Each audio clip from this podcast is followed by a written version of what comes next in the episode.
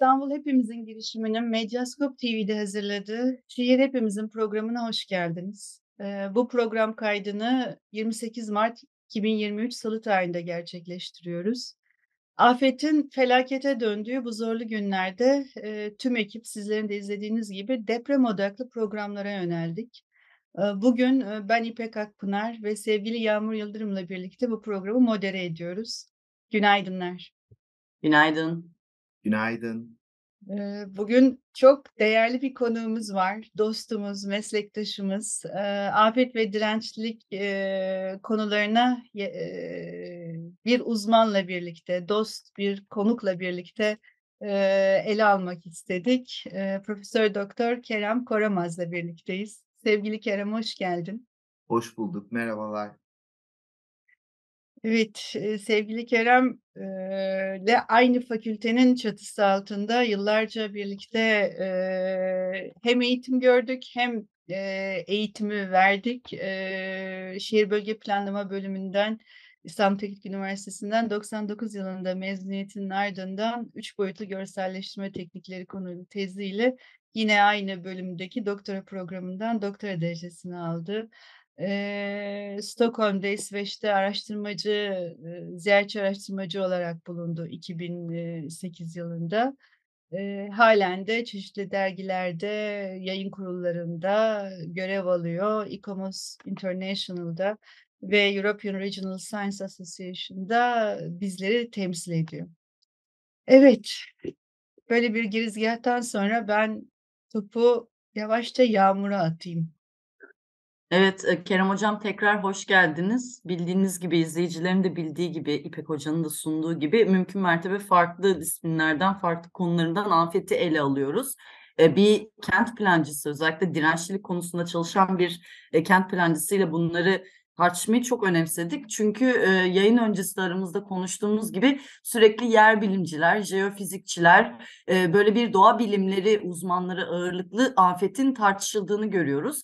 Fakat afet e, çok veçeli bir problem ve özellikle kent planlama ekseninde de daha fazla konuşulması gerektiğini düşünüyoruz. Özellikle hem bu kent planlama ya da kent plancısı dediğimizin e, karakterin, uzmanın rolü nasıl değişiyor? Hem de özellikle afet odağında e, neler e, söylenebilir, neler görülebilir e, bir uzmanla bu konuda konuşalım istedik. E, tekrar sağ olun Kerem Hocam. Yoğun programınızda katılabildiğiniz bu kayıt için biz de merakla bekliyoruz aktaracaklarınızı. Dilerseniz hemen ilk soruyla başlayalım. E, planlama uzmanları e, konuşuyorlar elbette 6 Şubat depremlerinden bu yana ama daha çok e, bir pozitif bilimler ekseninde konuşulduğunu görüyoruz ama bir yandan da hemen seneye işte biz on binlerce konutu tamamlayacağız, anahtarlarını vereceğiz gibi bir ortam içindeyiz. Geçici barınma alanlarının henüz tamamlanmadığı bir ortamdayız.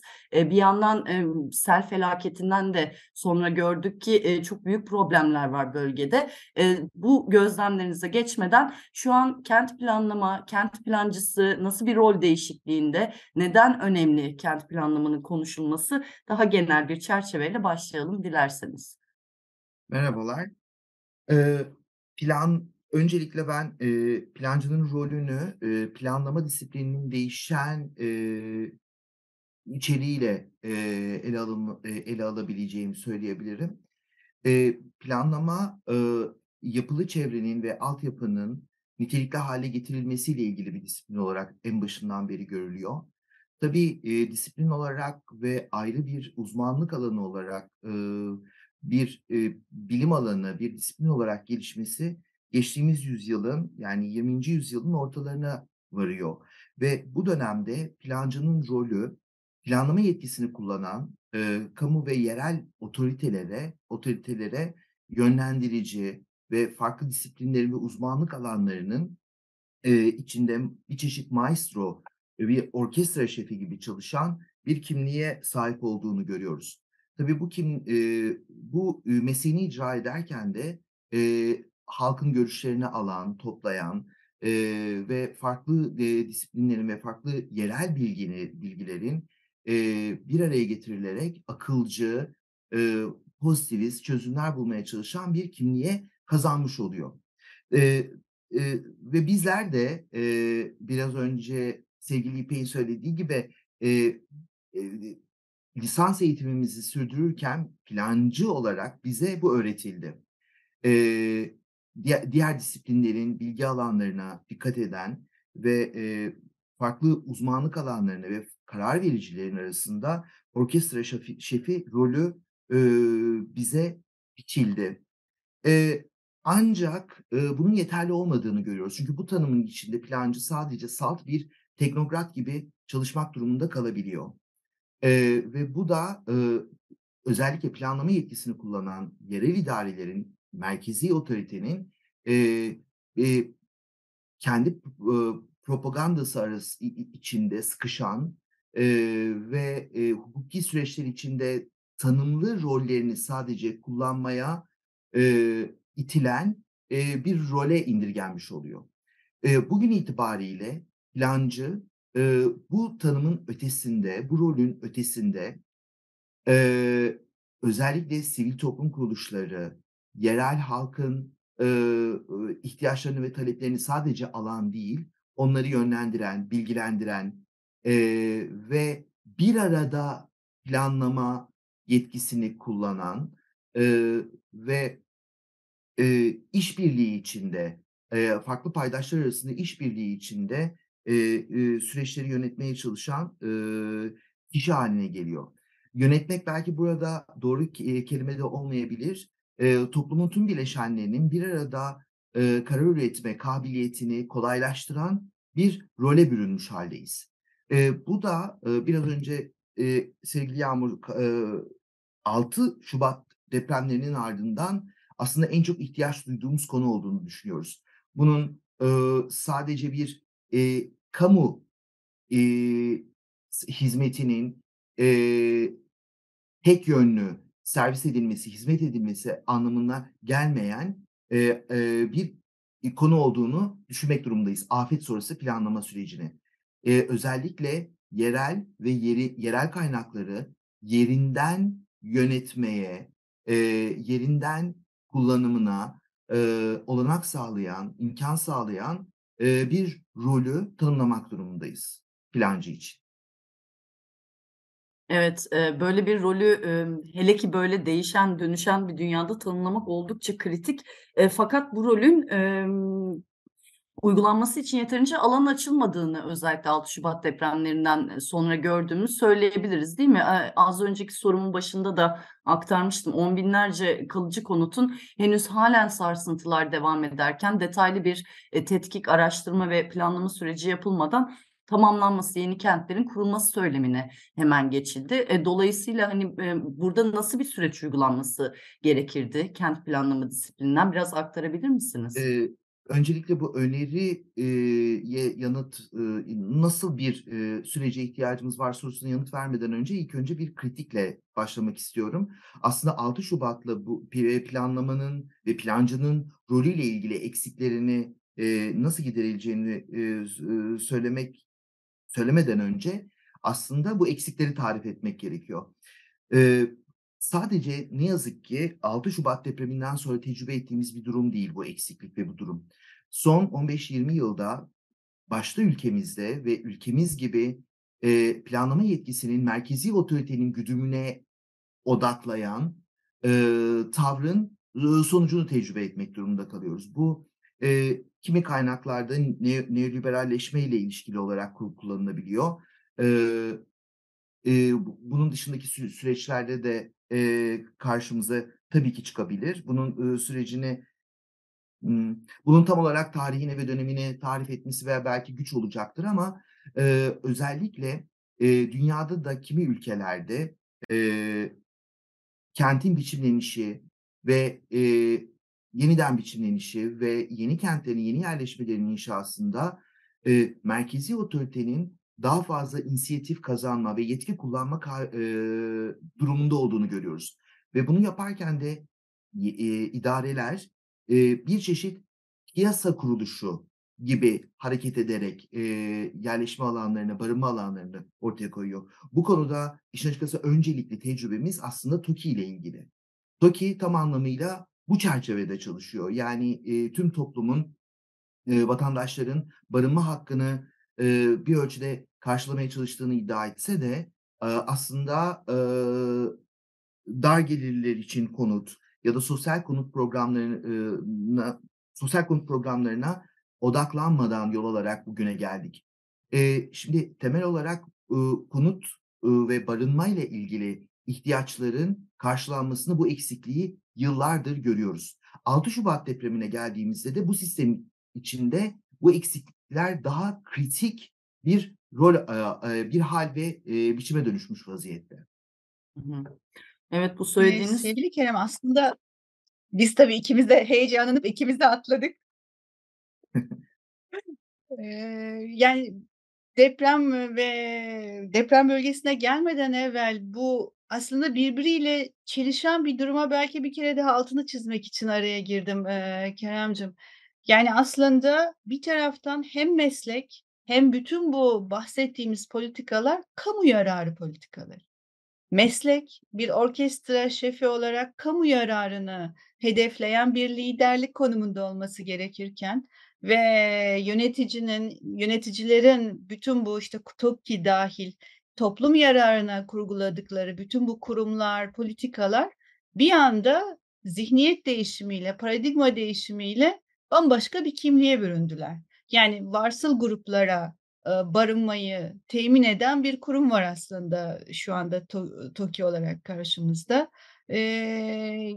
Yani bir kentsel yoksulluk, yoksunluktan bahsederken tabii depremle birlikte bu süreçlerin daha da kritik derecede tetiklendiğine tanık oluyoruz. Ben, heyecanla tabii TOKİ denince repliğimi söylemeden duramadım Yağmurcuğum.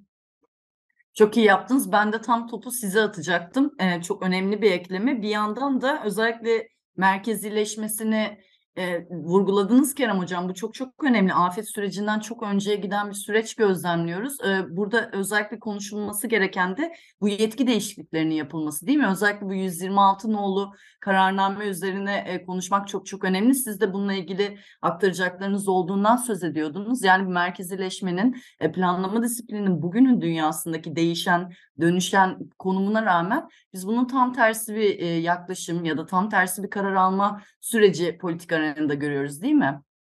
Eee, evet, ne yazık ki. Eee, tabii, eee, merkezi idarenin, eee, tabii ki sorumlu olduğu, ııı, tüm ülkeye, eee, afet sonrasında, eee, iyileşme, üstesinden gelme ve, eee, afetle ilgili oluşan yıkımın bertaraf etmeye yönelik a acil ve ani bir kararla, eee, yeni yerleşmeler ve, ve mevcut yerleşmelerdeki planlamayı, eee, Türkiye'de zaten hâlihazırda olan, eee, planlama sisteminin dışına çıkan istisnai bir kararla, eee, eee, yol almaya çalıştığını görüyoruz.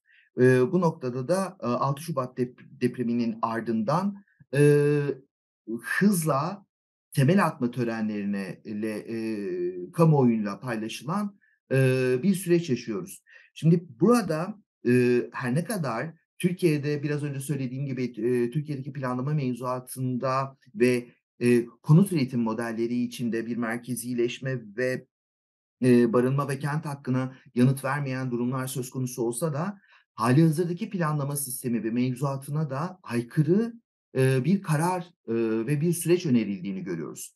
Bunun başında Yağmur senin söylediğin gibi, yani konunun sadece, eee, jeolojik ve jeo eee, zemin etütlerine dayalı, eee, etütler yapılarak arazi tahsisi, hızlı arazi tahsisi kararı alındığını görüyoruz bu kararnameyle. Eee, tabii ki planlama, eee, ya da yeni yerleşimlerin, eee, inşası, ııı, ya da mevcut yerleşimlerin yeniden planlanması sadece, eee, ııı, bu konuya indirgenemez. Biraz önce söylediğim gibi plancının rolü ve planlamanın rolü, eee, diğer çevre bileşenlerini de dikkate alan ve halkın ve toplumun tüm bileşenlerini bir arada karar verme kabiliyetlerini geliştiren süreçlerde, eee, ele almak durumundayız. Bunun dışında imar planı hazırlama, plan askı süreçleri ve mevcutta her ne kadar konvansiyonel kalsa da katılım ve askı süreçlerini de, eee, dışarıda tuttuğunu görüyoruz bu yeni kararnamenin.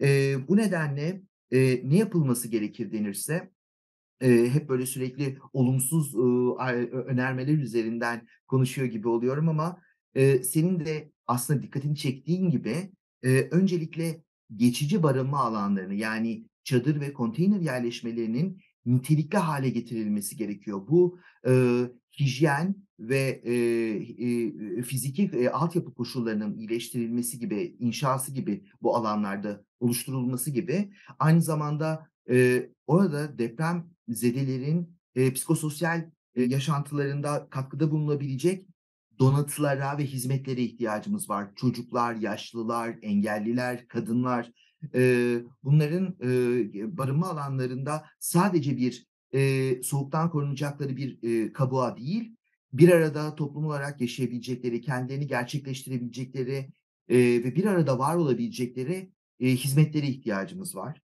Özellikle bu kırılgan gruplar bu noktada çok daha acil önem gerektirmekte.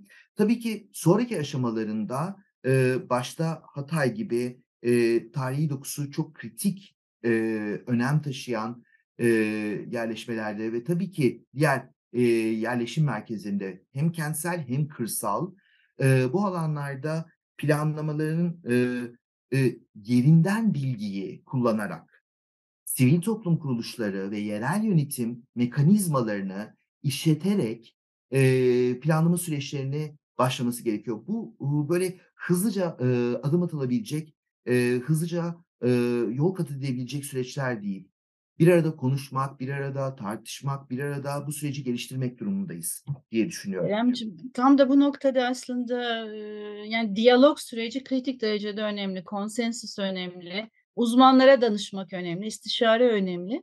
Ee, acaba e, özellikle hem bu geçici konut, geçici barınmaların e, kurgulanmasında, planlanmasında hem de işte rezerv alanlarda hızlı konut yapımlarında ve yerleşkelerin oluşturulmasında görüş talep edildi mi? E, bir e, diyalog çağrısı geldi mi bakanlığımızdan?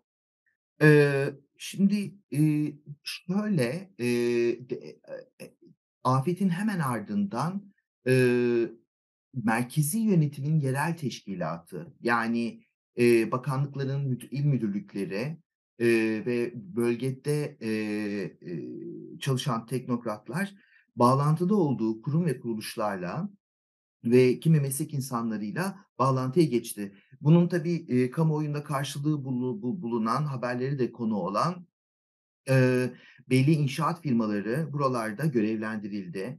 E, ve belli her bir ile bir e, mimarın sorumlu tutularak e, e, önemli mimarların isimleri anılarak, önemli mimarlık ofislerinin isimleri anılarak görevlendirildiğini duyduk. Bu süreçte ne yazık ki resmi kanallarla planlama e, disiplini ve plancılar e, doğrudan yol, e, yer almadılar. Ancak e, planları ok- ok- okullarımızdan bildiğim İstanbul Teknik Üniversitesi dahil olmak üzere bu konuda destek vermeye çalışan ve dışarıdan danışmanlık yoluyla ya bu firmalara ya da e, bakanlığa e, destek vermeye çalışan e, plancı meslektaşlarımız olduğunu duydum. Tabii ki bunların hepsi ne yazık ki acı ki e, enformal bilgilendirme yoluyla e, bizlerin camiada olduğu için camia içi sınırlı ve kısıtlı bilgilendirme kanallarından alabildiğimiz bilgiler oldu. E, konunun e, bir çerçevesi buyken aslında daha da önemli bir çerçevesi biraz önce söylediğim bu 120, konuştuğumuz 126 nolu kararname ile kararname ile ilgili yapılacak her türlü inşaat faaliyeti kamu ihale kurumunun ihale süreçlerinden de muaf. Ve bu e, başta toplumun ve hepimizin vatandaşlar olarak bilgilenmesiyle ilgili ve karar alma süreçlerindeki şeffaflığı ne yazık ki baltalayan bir e, tavır ve yaklaşım oluyor. Tabii en çok aslında ihtiyacımız olan şey şeffaflık, liyakat ve hesap verebilirlik. E, bu üçü bir arada olmadığı sürece bütün bu süreçler tabii tekrar tekrar üzerine konuşmaya ve tartışmaya açık oluyorlar. Eee, bir mesela kısa notum var. Eee, planlama mimarlara, mühendislik bölümlerine, mimarlık bölümlerine, eee, hem mühendis talebi hem de bu kültür varlıklarının envanterinin çıkarılması, eee, ve eldeki verilerin toparlanması, eee, veri tabanı oluşturulması açısından, eee, resmî talepler var. Eee, yazılı olarak, eee, bölümlerimize, fakültelerimize ama çok daha geniş ölçek ve bütüncül, orkestrasyonu yürütecek olan ekibe, bölümlere, planlamaya bu tür bir taleple gelinmemesi, eee, çok düşündürücü. Eee, özellikle de bu ihale kanunuyla ihaleden normal kamudaki ihale süreçlerinin bertaraf edilmesi tabii, eee, daha çok tartışmaya yol açacak diye düşünüyorum ben de. Aslında, ııı, önemli bir çaba daha var. Eee, biraz önce bahsettiğin gibi İpek. Eee, İKOMOS Türkiye'de, eee, de Hı. afetin hemen ardından çok kısa bir süre içinde 2 ya da 3 hafta içerisinde olmalı, eee, temsilcilerini, eee, afet bölgesine götürüp, eee, kendi çabalarıyla organize ederek, eee, buradaki, eee, kültür mirasının tahrip alt tahribe uğramış kültür mirasının değerlendirilmesiyle ilgili çabaları oldu ve bununla ilgili ne yazık ki katılma fırsatı bulamadım ama Mimarlar Odası'nda bununla ilgili bir, eee, bilgilendirme toplantısı da yapıldı. Bu bu bunun çok önemli ve faydalı bir çaba, kritik bir çaba olduğunu düşünüyorum. Eee, hani, eee, bu tip, eee, inisiyatifin, sivil inisiyatifin bilgisine, tecrübesine, eee, güvenmek durumundayız ve kullanmak durumundayız ve bunun da, eee, sadece planlama değil, mimarlık, restorasyon ve diğer sosyal bilimlerde, doğa bilimleri kadar sosyal bilimlerin de ilgili birimlerine, kurumlarına, uzmanlarına geniş katılımlı, açık çağrıların yapılması çok daha uygun olur. Eee, muhakkak, eee, bakanlık ve ilgili idare, eee, AFAD ve Çevre Şehircilik ve İklim Değişikliği Bakanlığı sahadalar. Eee, muhakkak, eee, çabaları var. Fakat bu çabanın, eee, merkezden ve, eee, tek bir eee, bu bu konuyla ilgili sorumlu tek bir kurulmuşçasına yol almaya çalışmaları, eee, yetişemeyecekleri ve üstesinden gelemeyecekleri durumları işaret ediyor. Evet, söyledikleriniz çok önemli. E, bir yandan o yerelde ki yerelden beslenen, yereldeki kaynaklarını kullanan, katılımcılığa açık, işbirliğine açık, süreç odaklı, bağlamına duyarlı bir planlama disiplininin öneminden söz ediyorsunuz ama bir yandan biz maalesef haftalardan beri bunun tam aksi yönde bir, eee, hareket görüyoruz. Bu anlamda özellikle sivil toplum kuruluşlarının, dediğiniz gibi meslek odalarının katkıları çok kıymetli. Fakat yine takip ettiğimiz üzere özellikle meslek odaları, merkezi yönetime biz işbirliğine hazırız, biz elimizdeki tüm imkânları, uzmanlığımızı paylaşabiliriz mesajları paylaştığı hâlde sürece dâhil, eee, edilmelerinde gönülsüz davranıldığını merkezi yönetim tarafından görüyoruz. Yani, böyle bir şey olabilir mi verdiğiniz örnek? Biz işte meslek, emm, toplantılarında işte şu kişi şöyle, şu sürece dâhil olmuş diye duyuyoruz. Yani böyle bir haber alma yönteminin de ne kadar problemli olduğunu her gün bu şekilde gelişmeleri duydukça da bir kere daha öğreniyoruz bir yandan. Şimdi bir yandan İstanbul ve İzmir depremleri geliyor. Bu süreçten neler gördük diye ben yalnız bir örnek verdim. Belki paylaşacağınız, eee, sonsuz örnek daha vardır ama bu bağlama gelmeden, eee, bilmiyorum daha, eee, ne yapılabileceğine ilişkin aktaracaklarınız olabilir mi? 6 Şubat depremlerinden bu yana gördüğümüz planlama disiplini perspektifinden sorunlarda. Yani eklemek istediğiniz başka ne gibi veçeleri var bu konunun? Evet, eee, ismini andığın kentler, eee, deprem riskiyle ilgili yoğun çabaya ve emeğe ihtiyaç duyuyor. Eee, zaten sorunları işaret ederken öneriler de çıkmış oluyor. Eee, İstanbul ve İzmir gibi, eee, hem sermayenin biriktiği hem de büyük nüfusun yoğun bir şekilde, eee, yer aldığı, eee, sadece kendi bulunduğu bölge için değil, ülke ekonomisi için de ve ülkenin toplumsal, ııı, yapısı için de büyük önem taşıyan, eee, kuruluşlarıyla, örgütlenmesiyle, eee, bir çeşit merkez gibi, ye yer alan, ııı, başta İstanbul ve İzmir gibi kentlerde deprem riskiyle il ilgili işin açıkçası endişe verici bir, eee, kaygı yaratıcı bir, eee, durumda olduğumuzu söylemeliyim. Hani, bunun 2 türlü durumu var. Eee, bir vatandaş olarak, hani, bu metropollerde yaşayan, eee, kişiler olarak endişeliyiz. Yaşadığımız konutların, yaşadığım çalıştığımız alanların, eee, afet riskine karşı duyarlılığına duyarlılığını öğrenmeye ve bunu geliştirmeye ihtiyacımız var. Eee, ve buna bununla ilgili çözüm üretmeye ihtiyacımız var. Bütün bu konuşmalar çerçevesinde tabii ki, eee, jeolojik ve zemin etütlerine bağlı ve yapı mühendisliğiyle ilgili, eee, süreçlerle ilgili, eee, bize hem vatandaşların hem de yerel idarenin, eee, içinde bulunduğumuz durumu açık ve net bir şekilde paylaşması ve bilgilendirmesi gerekiyor. Ve bizlerin de vatandaş olarak bu sorumluluğu, eee, alıp, eee, gereken önlemlerde, eee, çözüm üretmeye, eee, gönüllü olmamız gerekiyor. Bunu şöyle açayım, biraz önce söyledim, eee, ne yazık ki, eee, Türkiye'de gayrimenkul sektörü ve pardon, konut, eee, yaygın konut modeli gayrimenkul piyasasının koşullarına teslim edilmiş vaziyette. Böyle olunca bizler vatandaşlar olarak da yaşadığımız konutu aynı zamanda bir meta olarak görüyoruz.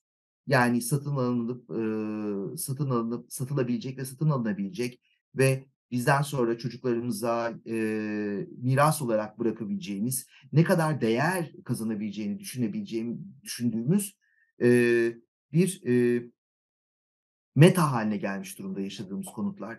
Bununla ilgili öncelikle, eee, eee, önlemlerin alınması gerekiyor. Afet planlaması ile ilgili, eee, çalışırken konutun ve kent konut ve barınma ve kent hakkının, eee, bu mekanizmalardan arındırılması ile ilgili, eee, keskin çözümlere ihtiyacımız var. Bunlar var aslında. Yalnızca Türkiye için, fazla idealist ve, eee, eee, gerçekçi değilmiş gibi düşünülse de, eee, dünyada, işte, sosyal konut programları ve konut, ııı, destek programları var ve bununla ilgili edinilmiş tecrübeler var. Acilen, eee, bunların hayata geçirilmesi gerektiğini düşünüyorum. Eee, bunun dışında, eee, tabii ki, eee, afet planlamasının belli, eee, süreçleri var. Ben bu konuda uzman değilim aslında. Hani, belki, eee, bu konuyla ilgili, ııı, uzmanların görüşlerine de tekrar bakılabilir ama bir plancı olarak bildiğim, ahe afet risklerini azaltmanın belli aşamaları ve süreçleri var. Afet öncesi, afet sırası ve afet sonrası diyebileceğimiz. Eee, bunlarla ilgili aslında yine bilgimiz var ve başta AFAD olmak üzere, işte, eee, eee, hazırladıkları, il düzeyinde hazırladıkları raporlar var. İnanın buradaki bilgiler bile başlı başına yeterli ve bizi yönlendirebilecek düzeyde. İhtiyacımız olan şey bu bilginin ve içinde, bu kentlerimizin taşıdığı riskin bertarafı için ira iradenin kendi irade idaresi pardon, idarelerin kendi iradelerini kullanmasını talep etmek durumundayız. Bunun için, zorlamak ve onları karar almaya, bu yönde karar almaya ve, eee, strateji geliştirmeye, eee, zorlamalıyız diye düşünüyorum. Peki, o zaman, sevgili Kerem, tam bu dediklerinin ışığında böyle bir çevreyi, çerçeveyi İstanbul depremine, hani, İstanbul'u konuşmak şu anda en çok gündemde olan İstanbul depremi, eee, bu konuda, ııı, nasıl davranılabilir? Eee, bir haftadan beri çok fazla, eee, bakanlık, çevrelerinden rezerv alanlardan itibaren rezerv alanlarda konut yapımına başlanacağına dair, eee, birtakım duyumlar var, deprem alanında olduğu gibi. Eee, bu tabii planlamanın ruhuna aykırı bir davranış da olabilir. Hani, bu kadar aceleci, eee, rezerv alanı hemen, eee, zikretmek. Bu konuda neler dersin? Yani, İstanbul'a nasıl bakabiliriz, ııı, bu çerçeveden? Eee, İstanbul'un ihtiyacı olan mevcut altyapısı inşa edilmiş ve mevcutta yaşanan iskan alanlarını, yani yerleşim alanlarını, ııı, depreme karşı daha dayanıklı hâle getirmemiz gerekiyor öncelikle. Yani, bu tabii, eee, daha kolay bir şey değil ve daha kolay temel atma töreniyle, eee, kamuoyuyla paylaşılabilecek bir şey de değil. Bunun için sabır ve kararlılık gerekir, eee, ve bu böyle kısa vadeli kazanımlara ulaşılamayacak bir durum. Tabii ki zaman çok hızlı ilerliyor, bunu anlıyorum. Eee, ancak bu rezerv alanlarının, ııı, sanırım kastettiğin Kanal İstanbul ve çevresindeki alanların, eee, rezerv alanı niteliğinde tekrar, ııı, parıldadığı, ııı, haberleri ve, eee, ka ııı, gündemi kastediyorsun. Eee, bu süreç İstanbul'un başta Marmara sahillerinde, Avrupa yakası Marmara sahillerindeki afet riskine karşı açık olan yerleşimlerin sorununu çözmeyecektir. Öncelikle bu afet riskinin en çok olduğu, en e, kuvvetli olduğu yerleri artık biliyoruz. E, bunu hem e, jeolojik ve zemin etkitlerinden biliyoruz hem de yapı stoğuyla ilgili envanterlerden biliyoruz. E, bu bilgiler var elimizde. E, bununla ilgili biraz önce söylediğim gibi kent ve barınma hakkını e, dikkate alan kapsamlı bir programa ihtiyacımız var. E, yani buradaki konutlar nasıl mevcut ekonomik koşullar çerçevesinde kendi başlarına dönüşemiyorken çünkü bununla ilgili çabamız da oldu. Hem e, tarihi çevrede yenileme ile ilgili 5366 sayılı yasayla hem de e, 10 yıl önce e, 11 yıl önce e, 6306 sayılı e, yasayla deprem riskiyle mücadele için ortaya konmuş kanunun mevcut piyasa koşullarına teslim edilmiş bir yenileşmeye işaret ettiğini görüyoruz ve bunun yetemediğini görüyoruz. Ee, bunların e, ötesine çıkan, e, ötesin, e, bunu aşmaya çalışan kapsamlı bir konut, sosyal konut programına ihtiyacımız var. Tabii yani barınma hakkı, konut hakkı, yaşam hakkı e, kritik kavramlar. E, bunun ama tabii finansal modelini alternatif bir finansal modelle birlikte masaya getirilmedikçe e, gerçekleştirilmesinde çok zorluk oluyor. Yani sadece yönetimden gelen irade değil, toplumsal konsensusta yani bir apartmanın dönüşümünde bile bir konsensus sağlamak Eee, bırakın, kentsel dönüşümü için bir kontrolünü yaptırmak için ben şu anda yaşadığım mekân için mesela öyle bir sıkıntım var. Apartman toplantısı bile yaptırmak sıkıntılı. Eee, toplantı çağrısına, eee, yanıt vermiyor yöneticiler.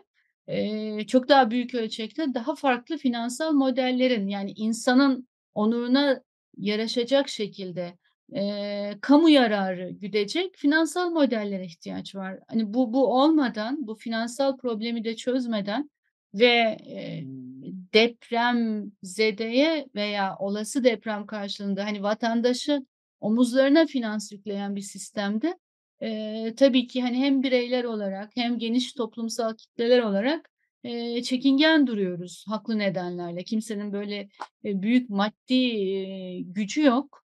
Eee, bununla ilgili, hani, dünyadan böyle çözüm örnekleri hiç aklına gelen var mı? Bir şekilde mesela Şili bunu çözmüş. Hani, sadece toplumsal kararlılığın ötesinde bir finansal model de getirmiş olması lazım bu barınma hakkı için.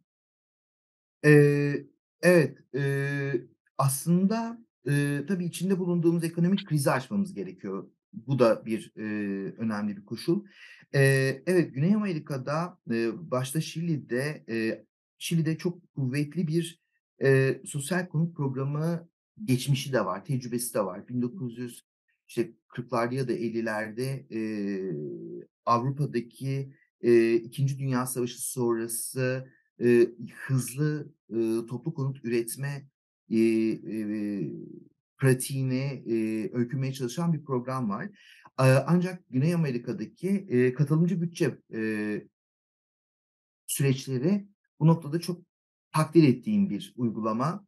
Yani, ııı, burada, eee, belki mahalle mahalle hatta sokak sokak, bölge bölge, eee, bir arada, ııı, parsel bazında sadece apartman maliklerinin tek başlarına müteahhitle pazarlığa oturmak durumunda kalmadığı ancak, eee, o masada, o uzlaşı masasında, eee, yerelin, sivil toplumun, ııı, ve yerel yönetimin de bulunduğu ve ortak, eee, uzlaşı sağlandığı, or ortak, ııı, pazarlık sağlandığı, kurgulandığı bir sürece ihtiyacımız var.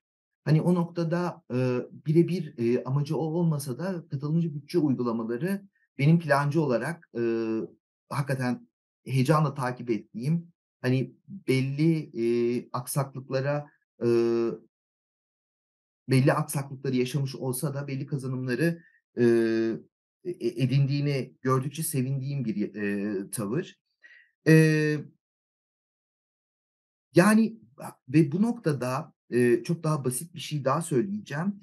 Eee merkezi yönetimin konut üretmeyle ilgili, eee, hâlihazırda çalışan kurumlarının, TOKİ, Emlak Konut gibi, eee, ve bakanlık gibi ilgili idarelerin, eee uzun vadede, eee, riski etaplayarak, eee, hızlı ve ani çözümleri, evet, kamu kaynağına ayırarak, ııı, ııı sorumluluk alması gerektiğini düşünüyorum. Yoksa, eee, bu kurumların, ııı, piyasa koşulları ve dinamiklerini dikkate alarak üstesinden gelemeyeceği çok açık.